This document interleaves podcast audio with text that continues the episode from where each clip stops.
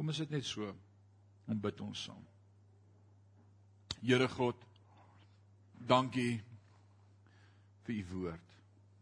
Dankie vir die Heilige Gees. Dankie vir kosbare broers en susters wat saam met ons in die woord is en die woord oordink en en en op die woord mediteer en dankie vir wat die woord met ons doen elke keer keer op keer as ons die woord hoor praat jy met ons ons kosbaar dankie daarvoor dankie daarvoor ek bid vanaand Here as ons met hierdie stuk teks besig is wat lyk na 'n stuk wat nie vir een van ons bedoel is nie dat u vanaand hier uit met elkeen van ons sal praat.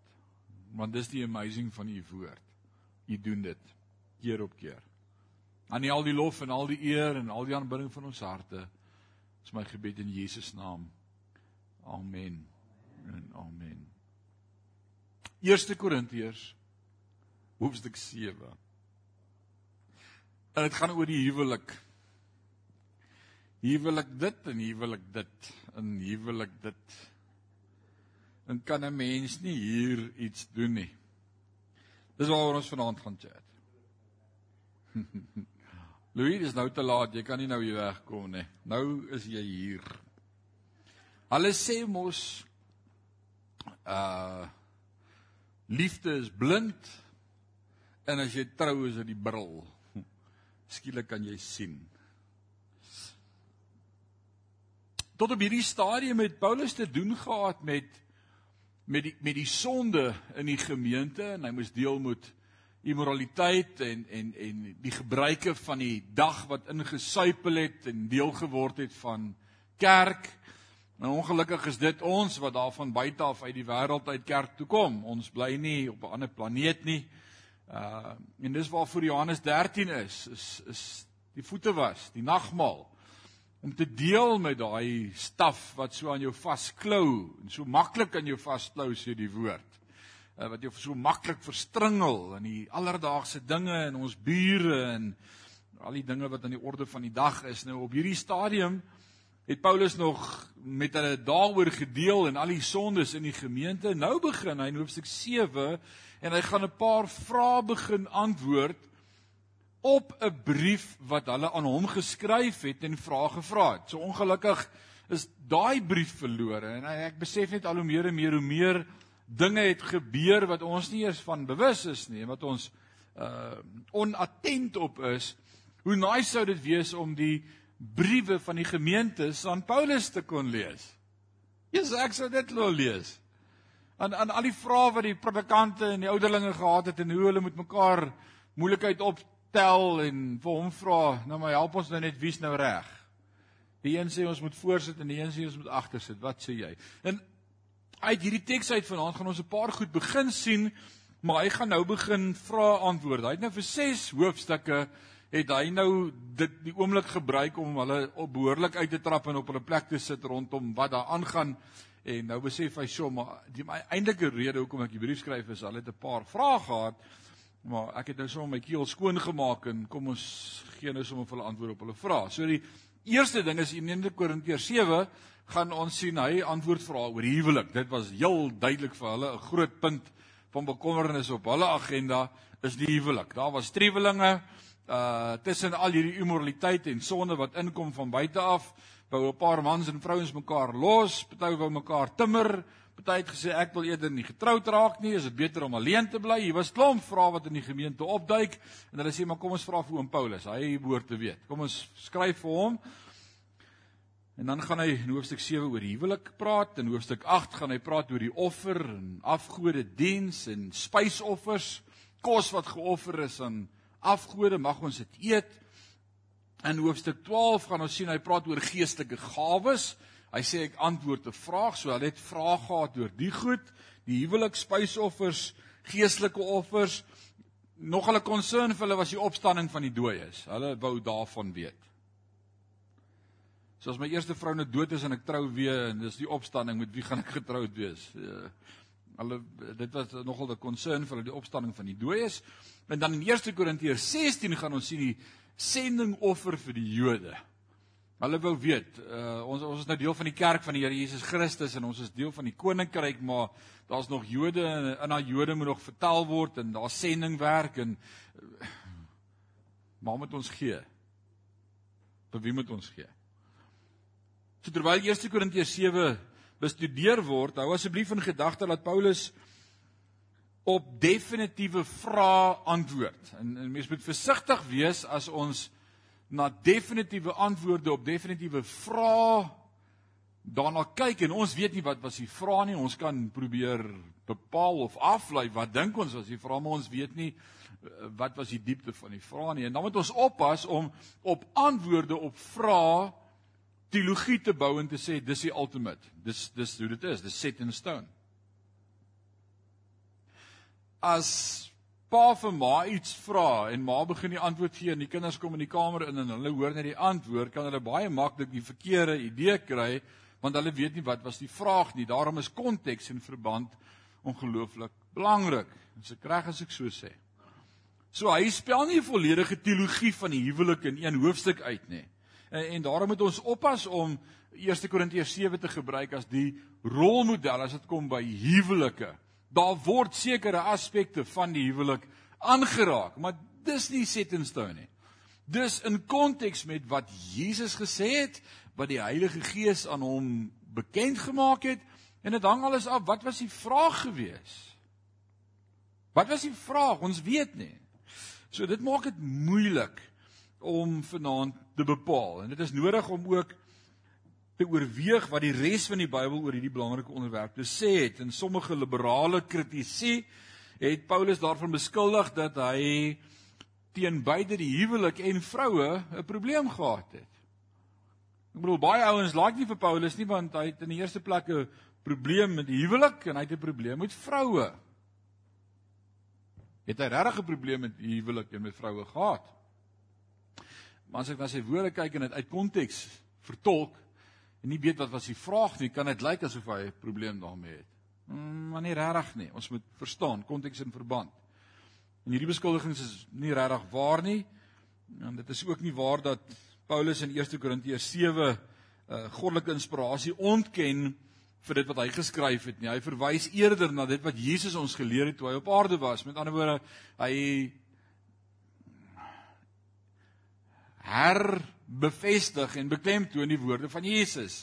Reiterate. Dis dis 'n mooi woord. Matteus 5 vers 1 en 32, Matteus 19 vers 1 tot 12, Markus 10, Lukas 16 vers 18. Hy haal daardie gedeeltes in konteks aan as hy hierdie vrae dan probeer antwoord. En Paulus het 'n paar vrae beantwoord wat Jesus nooit kon bespreek nie. Paulus skryf vrae wat Jesus nie mee te doen gehad het toe Jesus op aarde was nie. Eh, maar toe kom daar 'n vraag waarmee Jesus klaar gedeel het en Paulus verwys na Jesus se woorde. So as dit kom by by dit wat Jesus klaar gesê het, dan sê Paulus presies dieselfde, maar daar's vrae wat aan hom gevra word wat Jesus nie oor gepraat het nie. En, en dan moet ons die Heilige Gees vertel vertrou vir leiding.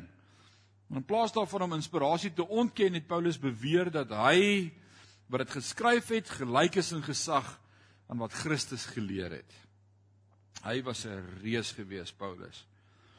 Paulus het God se wil aangaande Christelike huwelik verduidelik en hy het sy raad aan drie verskillende groepe gelowiges gerig. En hierdie hoofstuk kan ons indeel in drie dele want ons drie groepe mense met wie Paulus vanaand gaan praat. Die eerste een is Christene wat met Christene getroud is. Kan ek die hande sien?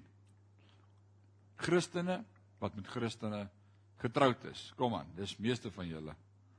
Al dink jy jou man is die duiwel, steek op jou hand, hy is nie. Right, Christene wat met Christene getroud is. So dis die eerste deel, die eerste paar verse waarna ons kyk vanaand vers 1 tot 11. Dis Christene wat met Christene getroud is. Dion Dalena, hierdie is vir julle. Alraai, hier hier gaan ons. Kom ons lees dit en dan praat ons daaroor. Ek kom nou by die vraag wat julle in die hele brief gestel het. Ja, 'n salibaatlewe is goed. So so duidelik was die vraag gewees is is is om 'n salibaat te wees goed? Is dit is dit goed om alleen te wees? Is dit goed om eerder nie verbind te wees aan huwelik nie? En hy het gesê ja, is goed. Nou interessant. En ek wil nou nie vanaand vir Paulus kwaad maak nie. En ek dink dis nie van die goed wat ons dink ons weet maar nie weet nie. Om deel te kon wees van die Sanhedrin en en Paulus was deel van die Sanhedrin van die Jode, reg of verkeerd. Hy was deel daarvan. En een van die vereistes om deel te kon wees van die Sanhedrin is jy moes getroud gewees het. Alraai. So Paulus het 'n vrou gehad. Vanaand in die teks gaan ons egter sien Paulus is nie meer getroud nie. Ons kan nie sê hierdie man van hierdie statuur sou sy vrou soos 'n warm patat gelos het nie. Ek dink nie daar was egbreek betrokke of egskeiding nie. Ek dink uh hulle is begenadig deur die dood. Ek weet nie. Maar iets het gebeur, maar hy's nie meer getroud op hierdie stadium nie. En dis wat ons aflei uit die teks uit. En dit klink vir my asof Tannie Paulus dalk dan kon kwaai wees as hy dan sekere goed sê oor die huwelik wat hy sê, soos is broer, luister net vir my, dis baie beter om alleen te wees. So ons weet nie wat was sy experience nie. Want dit dit maak die wêreld se verskil. Twee gelukkige mense wat gelukkig getroud was en jy vra vir een van die twee Louis, wat dink jy Louis, moet ek trou? Hoe is die huwelik? Dan sê hy vir my dis maanskyn en rose. Go for it. Dis die wonderlikste ding ooit in my lewe. Of of wat my een kan sê seun, jy met jou kop laat lees. Dis hel op aarde. Verstaan? Hang af wat my vertolking van dit is. Hang af wat my verhouding met my vrou is. Hang af wat ons verhouding met God is. Hang van baie dinge af. Ek sê dit baie as ek oor die huwelik praat. Die huwelik kan die wonderlikste ding en die naaste ding aan die hemel wees wat ons ooit op aarde kan beleef in die huwelik. Of dit kan hel wees. selfde huwelik.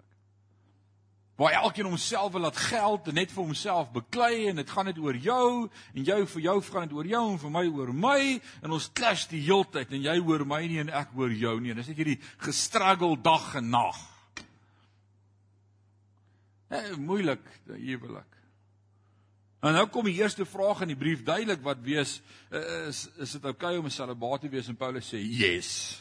Yes, dis is goed. Ek wil nou nie vanaand ons jong manne daar agter deur mekaar preek nie, maar hier's 'n paar goed wat vanaand in hierdie teks gesê gaan word. Maar onder daar soveel onsedelikheid is en hier begin hy nou elaborate en verduidelik en vertel hy sê onder daar so baie onsedelikheid is, behoort elke man sy eie vrou te hê en elke vrou haar eie man. Met ander woorde, daar was mans wat nie hulle eie vrouens gehad het nie, wat meer as een vrou gehad het en daar was vrouens wat mans gehad het, maar dit was nie alle mans nie. Maar dis dieselfde woorde wat Paulus gebruik in Efesiërs 5 as hy sê manne, julle moet julle eie vroue lief hê. Dis vir mans maklik om ander vroue ook lief te hê. Maar Paulus is arm en daaroor, hey, jy moet jou eie vrou lief hê, nie ander vrouens nie. Want manne, eh, vroue, julle moet aan julle eie mans onderdanig wees, nie aan ander mans nie. Met ander woorde, 'n vrou het het het, het iets wat dit is makliker na hom vir 'n ander man te luister. Maar en as dit jou eie man is, dan hoekom sal ek dan na jou luister? So Paulus probeer hierdie goed aanspreek. Hy sê die eggenoot behoort nie sy vrou seksuele intimiteit te ontsê nie. Nou hoekom hy hierdie rigting sal gaan en hieroor begin praat? Duidelik was dit deel van die vraag gewees van in 'n verhouding dan tussen twee geredde persone, wat behoort die seksuele verhouding dan tussen 'n man en 'n vrou te wees? Wie besluit? So nou sê hy 'n paar goed wat wat nie lekker is om te hoor nie, maar ek dink dit is belangrik om dit te hoor. Hy sê die eggenoot behoort nie sy vrou seksuele intimiteit te ontsê nie. Dit is haar reg as getroude vrou. Net so met die vrou ook nie haar man intimiteit ons sê nie. Met ander woorde, moenie seks gebruik om te kry wat jy wil hê nie. Moenie met die seksdaad manipuleer nie. Ons moet mooi lees wat hier staan. En nou kan net getroude paartjies nou vanaand hieroor praat. Want dis iets wat maklik in verhoudings kan insluip. Ja, maar as jy so wil wees, kan ek hierdie game saam speel. Ek het vandag gevra kom ons ry bietjie na my ma toe en jy wou nou nie so vanaand is my kop seer. Nee.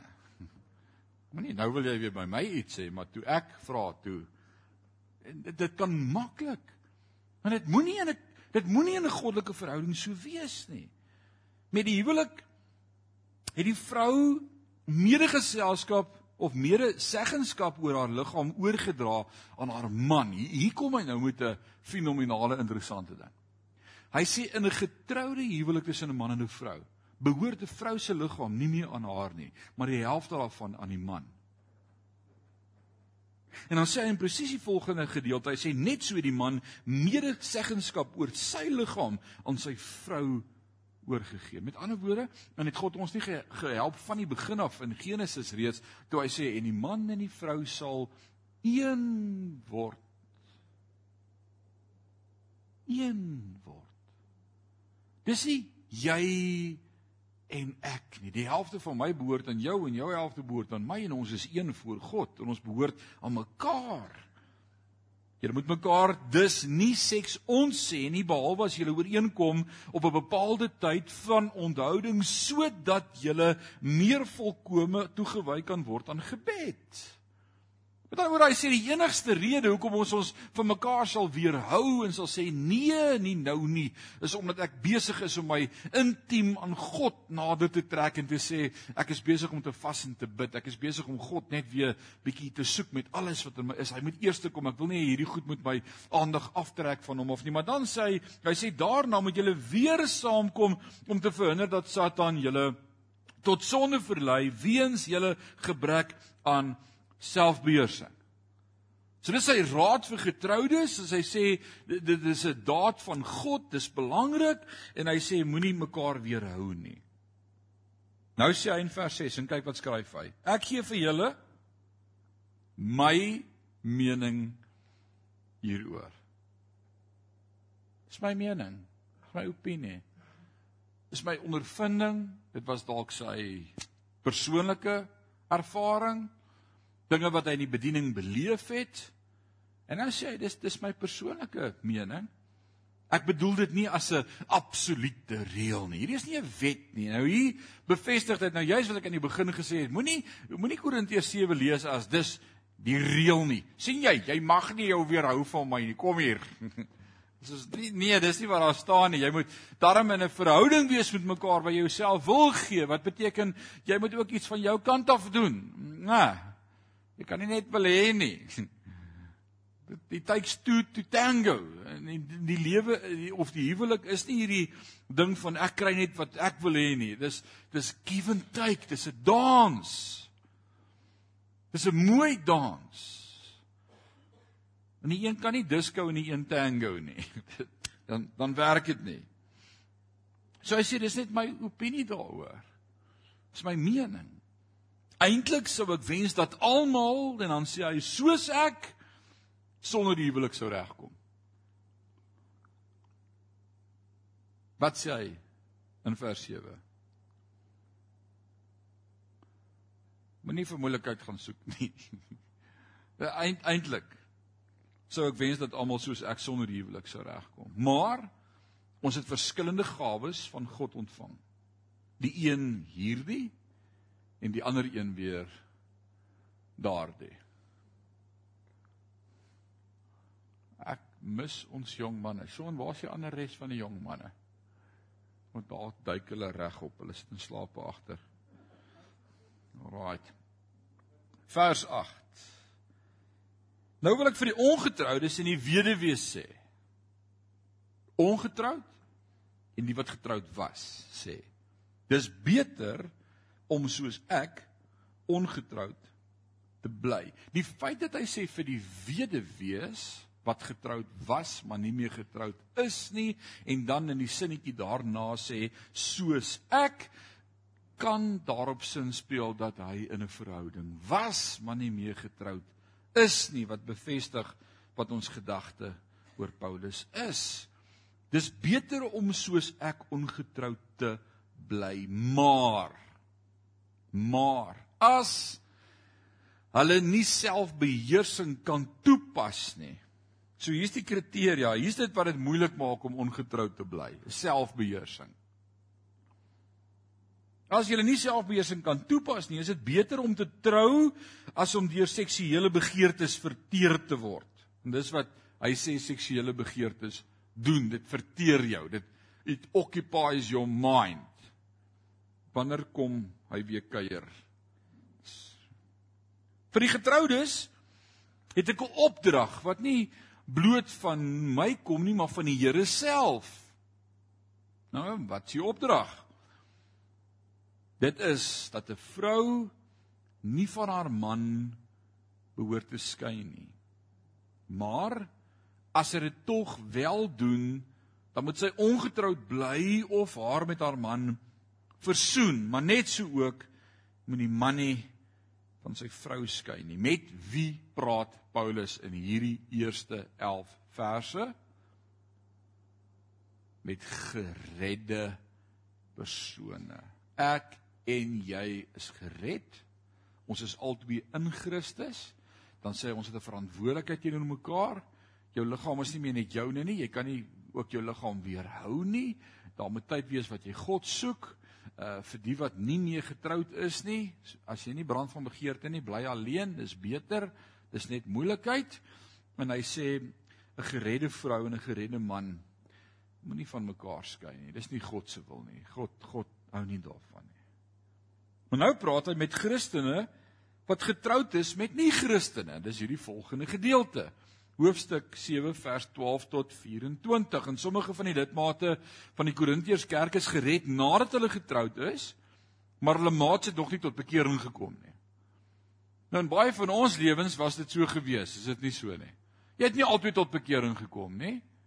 Julle was albei in die wêreld en julle was albei gepaarty en toe kom een van die twee tot bekering en die ander een is nie gered nie. Nou wat nou?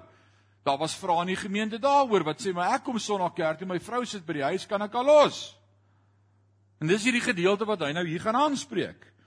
En ongetwyfeld het sommige van hierdie gelowiges 'n moeilike tyd by die huis gehad en hulle het vir Paulus gevra, "Moet ons getroud bly met hierdie ongetroude of ongeredde lewensmaat en verder ons uh verander ons bekering nie net dinge nie?" En dan en dan antwoord hy nou van vers 12 af deur te sê, "Nou gaan ek met die res van julle praat alhoewel ek nie 'n direkte opdrag van die Here het nie. So weer eens, dit was nie Jesus se woorde nie, maar dis dis my gesonde verstand en interpretasie van huwelik. As 'n Christen man 'n ongelowige vrou het en sy vind dit goed om by hom te bly, moet hy nie van haar skei nie. So die man het tot bekering gekom, hy is nou 'n kind van die Here en sy vrou sê ek het nie 'n probleem met jy die Here dien nie. Dan sê hy vir die man, "Hey, jy moet nie jou vrou skei nie." Moet dan nie los omdat sy nie die Here dien nie. En as 'n Christen vroue ongelowige man het en hy vind dit goed om by haar te bly, moet sy nie van hom skei nie. So dis snaaks dat hy nie die onus of die voorreg vir die geredde persoon gee om die keuse te maak nie. Maar vir die ongeredde persoon. Hy sê nie omdat jy nou gered is, kan jy besluit of jy saam met die duiwel in die huis wil bly nie. Dis nie wat hy sê nie. Inteendeel, hy sê dis nou haar prerogatief. Sy kan kies en sê nee wat, hy gaan kerk toe Sondag, maar nou wil ek dit vra. Watter ongeredde persoon gaan nie dankbaar wees dat die lewensmaat by God uitgekom het en sy lewe verander en nie bereid wees om saam met hom in die huis te bly nie.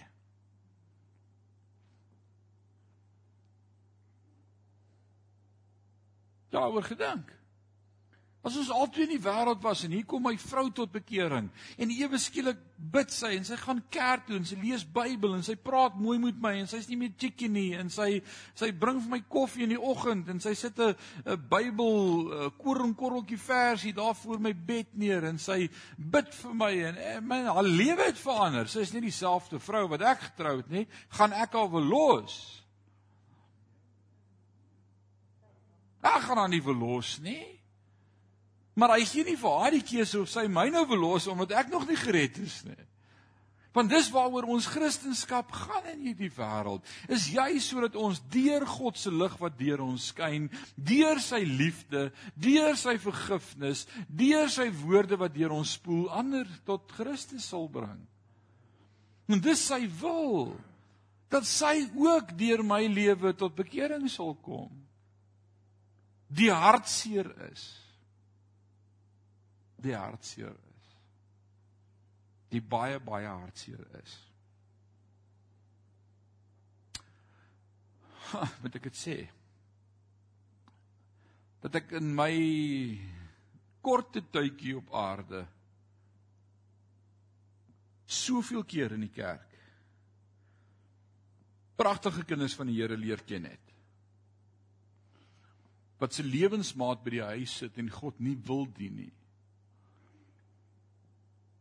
Juis omdat hy sê ek ken 'n ander kant van daai mens wat jy dink so lief vir die Here is en Sondag in die kerk profeteer en hande opsteek en omval. Kom kyk bietjie by die huis ek wil nie wees soos wat hy op sy is nie. Jy weet waarvan ek praat. Dit sukkel ek mee. Want dit beteken dat dit wat jy dan hier by die fellowship wys nie regtig jy is nie. Want as jy regtig by God uitgekom het, gaan jou lewensmaat ook by God uitkom. Paulus Petrus kom in 1 Petrus 3 vers 1. Dan begin hy sê vir die vrouens. Maar hy praat vir die eerste 6 verse met die vrou in 1 Petrus 3 en dan net vir twee versies met die man in vers 7 en 8. Hy, hy sê vir die vrouens moenie deur julle baie woorde probeer om julle mans tot inkeer te bring nie maar deur julle min woorde en en en en die manier hoe julle optree. Deur jou min woorde gaan jy hom vir die Here wen. Want hy gaan in jou lewe sien, hey, hier's iets anders. Sê of hy het by die Here uitgekom. Dit is God se manier. Moenie woorde gebruik So hy sê as die Christen vrou die gelowige man het en goed vind om by haar te bly, moet sy nie van hom skei nie. Want die Christen vrou bring 'n atmosfeer van gewydheid oor haar ongelowige man. sien jy wat moet gebeur? Nie 'n donderwolk van oordeel nie. Hy hy sê die die die Christen vrou bring 'n atmosfeer van gewydheid oor haar man en die Christen man bring 'n atmosfeer van gewydheid oor sy vrou. Nie verwydheid nie, nie nie afbreekend nie, nie 'n donderwolk nie, nie jy's op pad hel toe nie. Maar deur my liefde. Nou ou Petrus praat daarvan. Hy sê die liefde 1 Petrus 4:8. Hy sê die liefde bedek 'n menigte sondes.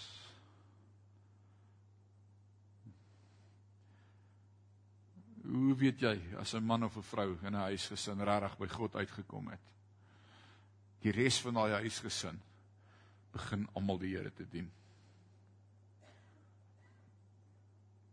As jy regtig by God uitgekom het en sy woord jou nou maak, begin jou man sê maar die Here dit vir jou kon doen, wil ek dit ook hê. Ek sien hoe bid jy, ek ek hoor hoe konnek jy met God. Daar's nie meer oordeel in jou woorde nie. Daar's nie meer 'n uh, uh, daar's nie meer 'n mes en 'n dolk in jou tong nie. Daar's daar's woorde van liefde en beskerming en jy jy raas nie meer met oor as wat ek verkeerd doen. Skielik is daar grace want God het met my grace. Jesus, wat het met jou gebeur? Wat het hulle met jou gemaak? Waar is jy ou jy? Ek wil ook so wees. Kan ons getuig daarvan? Dit dis dis hoe dit werk. Hy sê as dit nie so was nie, anders sou julle kinders nie aan God toegewyd gewees het nie, maar hulle is. Maar as die ongelowige huweliksmaat daarop aandring om te skei, laat dit dan so wees as die ongeredde huweliksmaat daarop aandring om te skei. Sê jy kerk net die hele dag, jy's nooit meer by die huis nie, jy wil nie met my beklei nie, jy wil nie saam met my dans nie, jy wil nie saam met my drink nie, jy wil nie meer sonde doen nie. Ek wil daaraan vasklou, ek wil nie verander nie. Ek wil nie langer met jou getroud wees nie.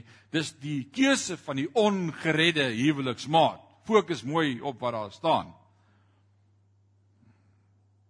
In sulke gevalle is die Christen broer of suster nie verplig om met die huwelik voort te gaan nie. God wil immer sê dat julle in vrede lewe. Hoor jy mooi wat daar staan? Ek praat met al die getroudes.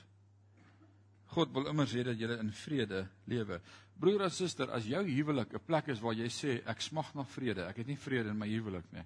En jy sê ons is albei kinders van die Here, wil ek vanaand vir jou sê daar's groot fout. Die huwelik tussen 'n man en vrou moet 'n plek wees van vrede.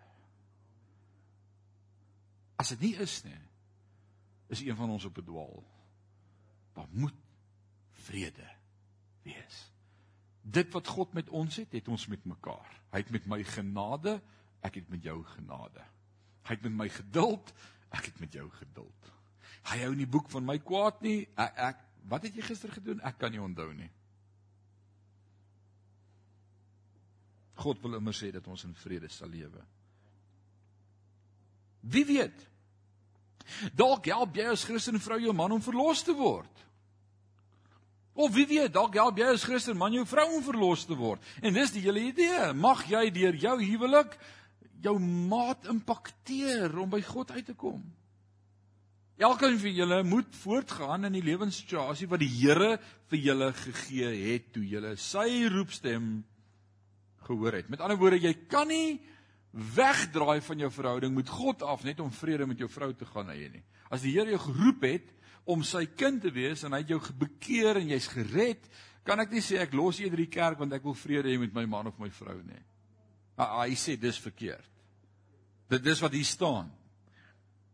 Elkeen van julle moet voortgaan in die lewenssituasie wat die Here vir julle gegee het toe julle God se roepstem gehoor het. Dit is my opdrag aan al die gemeentes. En baie keer die vraag in huwelike is hoe tot hoe ver mate moet ek gehoorsaam wees aan my man? Hy sê ek mag nie kerk toe gaan nie. Moet ek nou by die huis sit Sondag want dit hy wil nie kerk toe gaan nie. Nou bly ek ook maar by hom. Paulus sê as God jou geroep het in 'n verhouding en jy het sy stem gehoor, dan gaan jy kerk toe. Is is dit reg om Leon, is dit wat hier staan? Hy sê jy kan niemand anders bo God stel nie. God is eerste. En as hy dan vir jou wil sê, "Wel, dan skei ek jou," dan skei hy jou, maar God is eerste in jou lewe. As jy byvoorbeeld reeds besny was toe jy geroep is, moet jy nie nou jou besnydenis ongedaan laat maak nie. As jy onbesnede was toe jy geroep is, moet jy jy nie nou laat besny nie. Of jy besny is of nie, dis heeltemal onbelangrik. Wat wel belangrik is, is om God se opdragte na te kom gaan dus voort soos julle was toe God julle geroep het. Hierdie stuk is 'n moeilike stuk.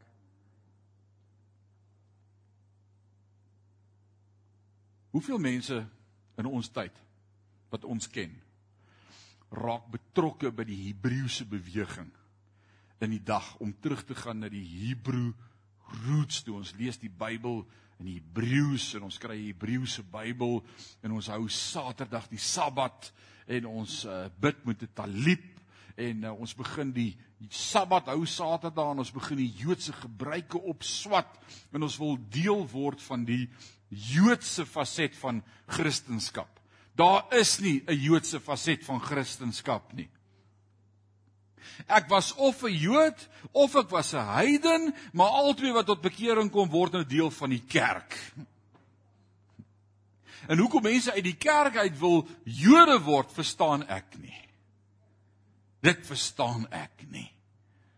God het gekom om my los te maak van die wet. Ek sê o, dankie ek het Jesus ontmoet, gee my die wet asseblief. Rarig. Paulus sê so mooi vir die Galasiërs, hy sê die wet was net die tugmeester na die Vader, maar nou dat julle die Vader leer ken het en genade verstaan en geregtigheid in Christus, het ons die vryheid van hom. Ons is nie meer onder die wet nie. Ek verstaan dit nie en dis presies wat Paulus hier sê. Hy sê gaan dus voort soos wat julle was toe julle geroep is. Hy sê nie word nou besny as jy onbesnede was voor jou bekering nie. Anders sou dit daar gestaan het. Hy sê as jy 'n slaaf moet jy nie daaroor verknies nie. Maar as jy wel die vryheid kan verkry, gryp die geleentheid beslis aan. En onthou, alhoewel jy 'n slaaf was toe die Here jou geroep het, het hy jou vrygemaak. Jy is nou vrygemaak van die Here. En omgekeerd. As jy vry was toe jy geroep is, is jy nou 'n slaaf van Christus. Dis wie jy is. Jy's 'n doulos. Dis daai woordjie doulos, uitverkoop. Uitverkoop aan Jesus Christus. Jy's sy slaaf. God het julle teen 'n duur prys gekoop. Moenie slawe van mense word nie. En wat doen hierdie ouens wat net weer die Sabbat begin hou? Hulle word slawe van 'n godsdiens. Amen. Pas die vryheid. Dis broers en susters, bly voor God in die omstandighede waarin jy was toe God julle geroep het.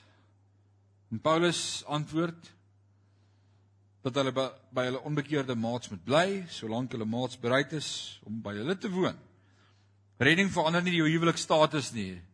Indien enigiets of intedeel behoort dit jou huweliksverhouding te verbeter. Dis al.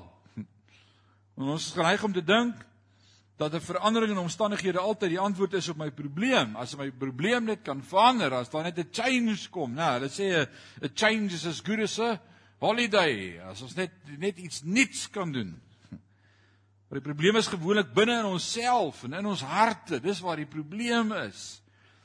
Die hart van elke mens is die probleem en ek het al gesien hoe paartjies deur egskeidings gaan en 'n nuwe omstandighede geluk gaan soek met 'n nuwe vrou trou en 2 of 3 jaar later dieselfde probleme het want die hart het dieselfde probleem wat hy gehad het by vroutjie nommer 1.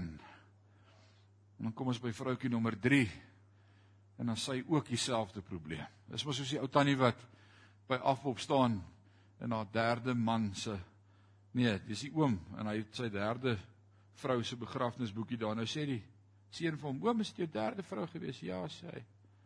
Hy sê die eerste twee, hoe sal dit dood? Hy sê nee, die eerste twee het giftige sampioene, hè? Hulle is albei dood van giftige sampioene wat hulle geëet het. Hy sê: "Oom, en die tannie, die derde een?" Hy sê nee, sy is dood aan skedelbreek. Sy wou dit nie eet nie.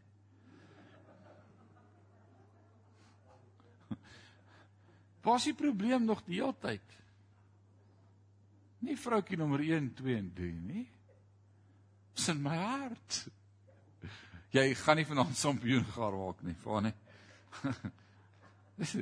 Ek check vir julle. Ek gaan nou checkers toe ry en kyk wie koop sampioene. Ons probleem is in ons hart. My vrou is nie die probleem Is hierdie vrou wat die Here vir my gegee het net kan Nee nee nee, dis nie die probleem nie. Dis 25 jaar in die bediening hierdie jaar. In 25 jaar het ek my beywer vir berading. Ek ek hou daarvan om met mense te praat en ek het my honeurs gedoen in berading en en ek het op 'n tyd my mal gemaak met berading en toe word ek amper mal af van want dit is soos jy kan net soveel raad gee en baie tannies kan praat. En soos nee boetie, ek's nog nie klaar nie. Sit. Ek gaan vir nog 'n uur betaal. Sit. Weet jy wat? Dis nooit die ou wat vir berading kom wat die probleem het nie. Dis daai een wat by die huis is. Alles is sy skuld of haar skuld. En ek het 25 jaar nog nooit iemand voor my gehad wat kom sit het en gesê het my huwelik is 'n gemors want ek het 'n gemors aangevang nie. Nee. Nee. Nee, ek het met 'n ander verhouding betrokke geraak want sy het haar van my weerhou en is alles haar skuld en as sy nie soos haar ma was nie, dan sou dinge gewerk het. Maar wat verwag sy van my? Nou is dit my skuld. En dis ons almal se storie.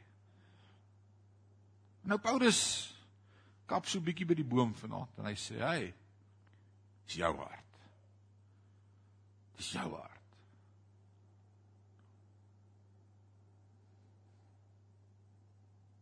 Christelike prokureur het eendag vir my gesê, die enigste mens wat ooit voordeel trek uit 'n egskeiding is die prokureur.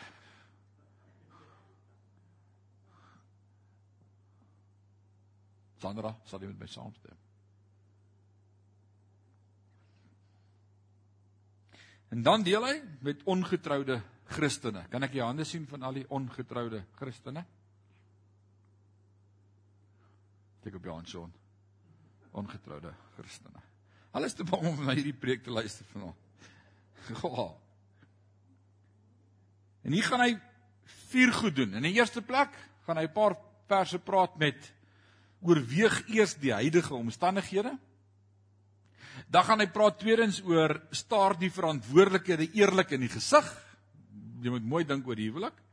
Dan gaan hy in die derde plek sê elke situasie is eintlik uniek. En dan gaan hy ten slotte vir ons sê onthou dat die huwelik vir die res van jou lewe is. So kom ons praat vandag oor hierdie vier punte en ons lees net vanaand die teks vers 25 tot 31 sê hy oorweeg eers die huidige omstandighede. Wat die ongetroude meisies betref, beskik ek nie oor 'n opdrag van die Here nie. Maar die Here het my begenadig om betroubare leiding te kan gee. En daarom gee ek nou my mening aan julle deur. Met die oog op die swaar kry van die eindtyd dink ek dis die beste dat jy bly soos jy nou is. As jy aan 'n vrou verbind is, moenie die huwelik nou probeer beëindig nie. As jy getroud is, as jy ongetroud is, moenie 'n vrou probeer kry nie.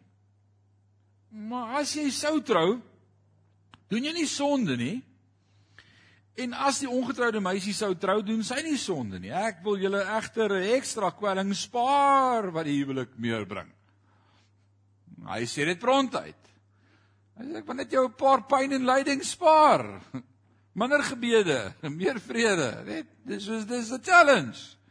Om skielik langs iemand wakker te word wat klaar verkeerde triks geleer het. Dis dis moeilik. Jy druk jou tandebuisie van agter af en sy druk vir hom sommer hier voor. Dis dis dis, dis moeilik. Jy sit die toilet seat op en sy los hom af of en dis dis moeilik. Jy gooi jou klere in die wasgoedmandjie en sy hang dit op die vloer op. Dis moeilik. Mans en vrouens verskil. Want as hierdie klein pitty goed wat dit nogal baie interessant kan maak in 'n slaapkamer. Want dis die goed wat ons nogal issues mee het of sy skoene nou daar lê en of dit nou eh, dit dis dis moeilike goed. En dit is nie veronderstel om enigstens die goed te wees waaroor die huwelik gaan nie. Lees hierdie artikel van 'n boervrou. Om nie sê van Botawilde strik nie, maar dit was 'n hele paar jaar gelede.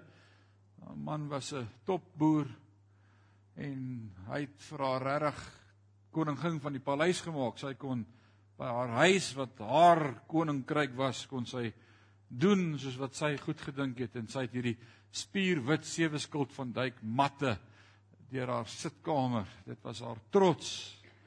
Die wit matte met haar persiese katte. Maar sy man met sy vuil bootse van die beeskraal afkom, baie hard gewerk het om die geld te verdien wat sy spandeer op die matte dan was elke dag se fight trek jou skoene net buite uit. Kyk hoe lyk my vloere en my matte. En elke dag was dit haar fight met hom.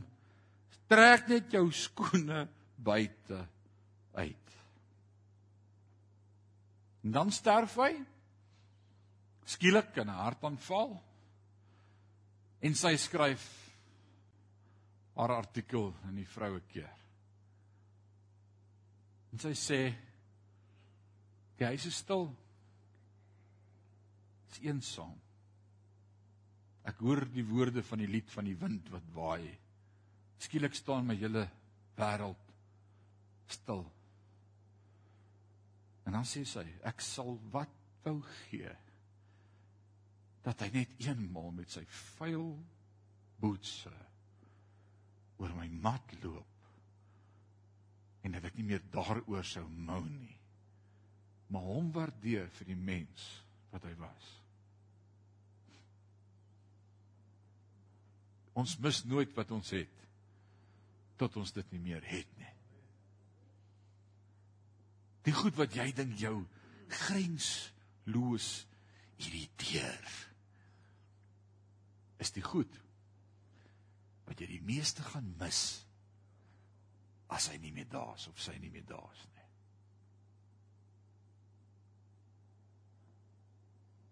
Vers 29 sê Dit wil ek vir julle sê broers en susters. Onthou die tyd wat nog oorbly is kort. Hier's goeie nuus vir al die getroudes. Alraai. Daarom moet die getroude mans besef dat daar dinge is wat nog belangriker is as huwelik. Om bly of hartseer te wees of dinge te kan aankoop mag nie in die pad staan van die Here se werk nie. My pragtig hoe hy die slot, die strop net bietjie vastrek en sê die belangrikste in ons lewe moet nog steeds altyd God wees. Altyd God wees. Tweedens, staar die verantwoordelikhede eerlik in die gesig. Die wat gebruik maak van die dinge van hierdie wêreld moenie daaraan geheg raak nie. Want hierdie bedeling gaan verby. Ek wil hê dat julle in alles wat julle doen vry moet wees van die kwellinge van hierdie lewe. Ongetroude man is begaan oor die dinge van die Here en hoe hy die Here kan gelukkig maak. Maar die getroude man is begaan oor wêreldse dinge en hoe hy sy vrou kan gelukkig maak en sy aandag is verdeeld. Net so kan 'n vrou wat nie langer getroud is uh, net so kan 'n vrou wat nie langer getroud is nie of nog nooit getroud was nie, haar aandag op die Here toespits op met om met liggaam en siel aan hom toegewy te wees. Maar die getroude vrou is egter oor wêreldse dinge begaan. Maar hoe sy haar man se geld kan, nee, oor hoe sy haar man kan gelukkig maak. Skus ek tog nou, ek het nou die nuwe nuwe lewende vertaling hier. Ek sê hierdie dinge in julle belang, nie om allerlei beperkings op julle te lê nie. Ek wil hê julle moet sonder dat iets julle aandag aftrek, fatsoenlik en toegewyd vir die Here lewe. Weereens God eerste.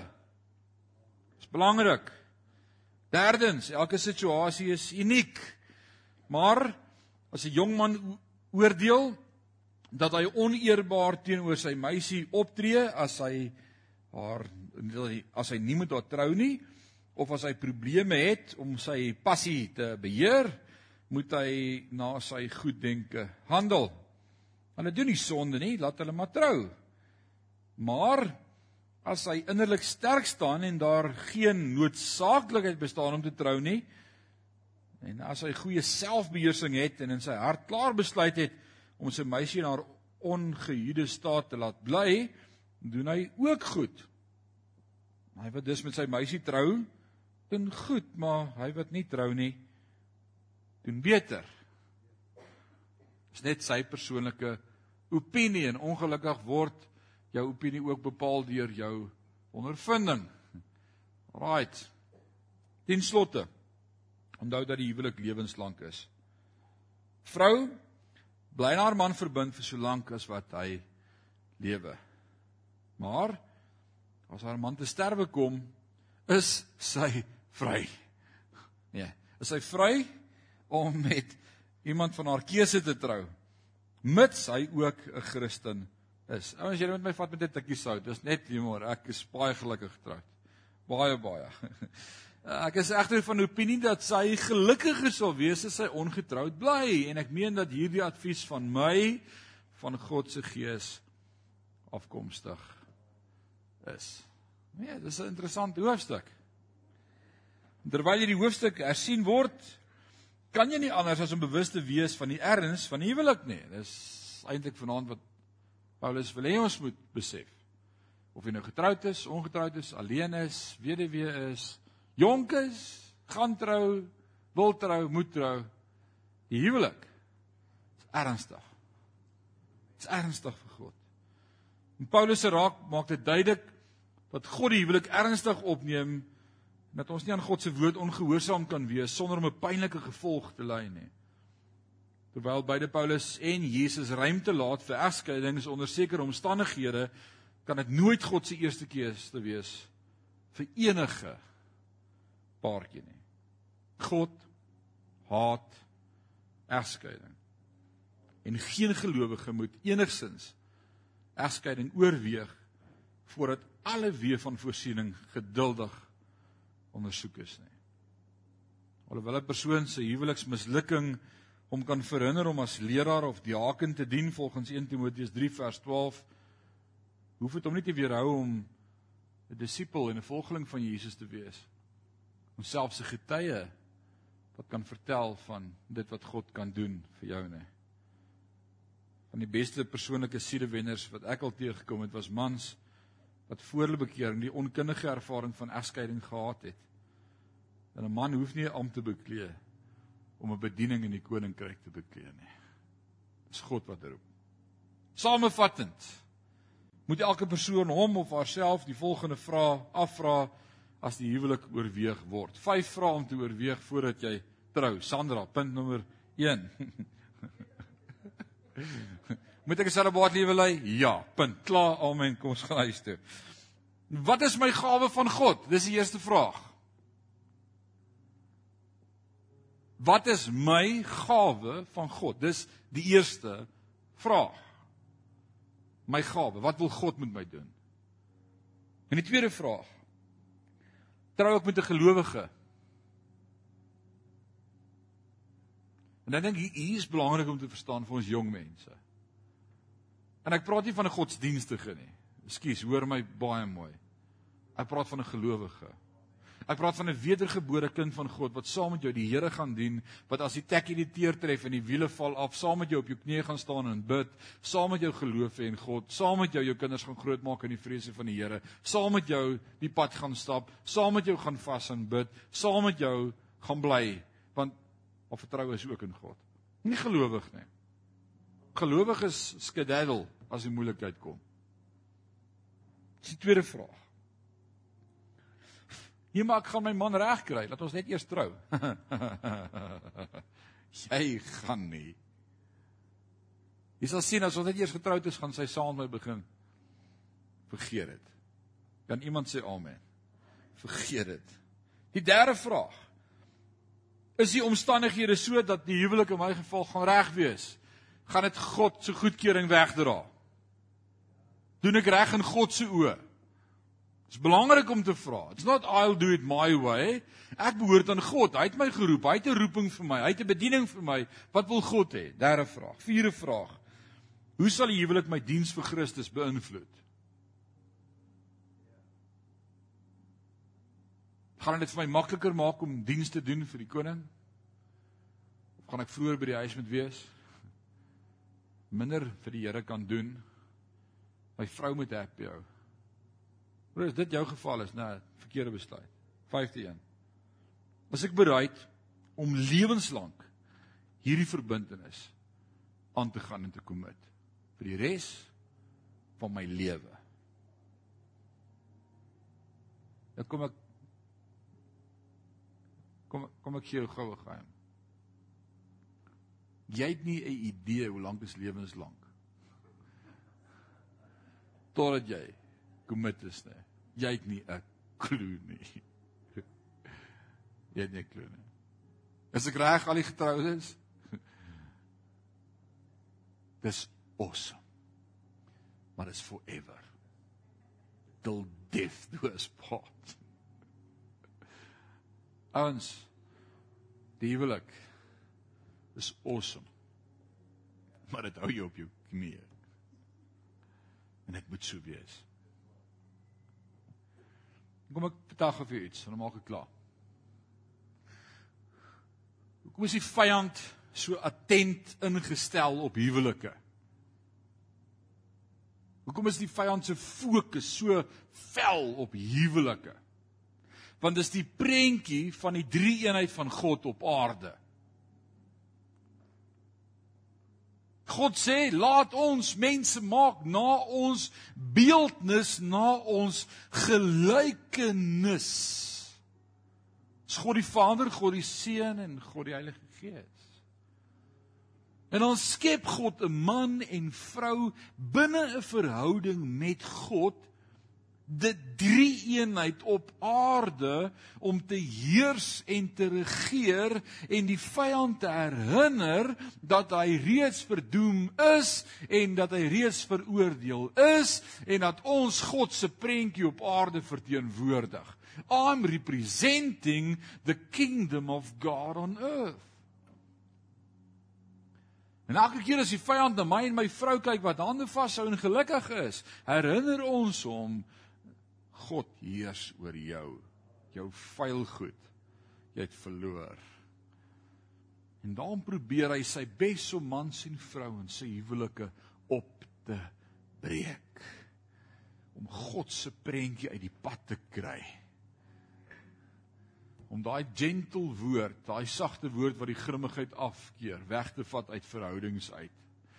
En ons begin met mekaar naderhand skaaf en skuur En mag jou huwelik die hemel wees. Mag jou huwelik 'n plek wees van vrede en geluk. Kom ons bid saam.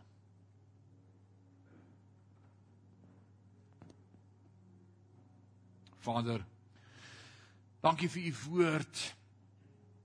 Ek wil vanaand bid vir elke persoon in hierdie plek wat in 'n huwelik is want met elkeen van ons is daar vanaand gepraat. Selfs die wat nog nie getroud is nie, is vanaand mee gepraat. Nie een van ons kan sê vanaand was nie vir my nie. Ons het elkeen iets om oor te dink en vanaand ding om oor te besin. Eh, vanaand wil ek bid vir elke huwelik. Dit wat die duiwel so attent op uit is en so vel op fokus om af te breek en te verwoes. Ek wil vanaand kom vrede spreek en harmonie spreek en Jesus woord spreek oor elke huwelik in die naam van Jesus. Vader, ek wil bid dat ons wat aan U uitverkoop is, dat ons U sal beleef in ons huwelike, hoe ons met mekaar praat, hoe ons met mekaar werk, die genade wat ons met mekaar het, mag ander Christus in ons sien. Mag ander Christus in ons verhouding met mekaar sien. Mag ons verhouding en ons manier hoe ons met mekaar werk as getroudes die ongeredde wêreld so beïnvloed dat hulle lewens sal wil gee vir Christus. So. Dankie vir die wonderwerk wat u kom doen tussen twee mense om 'n een eenheid te bewerkstellig. En dat u twee vreemdes na mekaar toe sleep en een maak. Dis so groot. Dankie. Dankie vir u woord. Dankie vir wysheid, dankie vir insig. Dankie dat u met elkeen van ons praat. Dankie dat u ons vashou in die holte van die hand. Dankie vir hierdie vakansietydperk van rus wat vir ons voorlê en die wat op paai gaan en ronddry en familie en vriende ontvang en saam kuier. Mag u altyd eerste in ons hart wees en ons denke wees en op ons lippe wees. Psalmdigter sing uit. Hy sê ek wil die Here loof, ja altyd prys.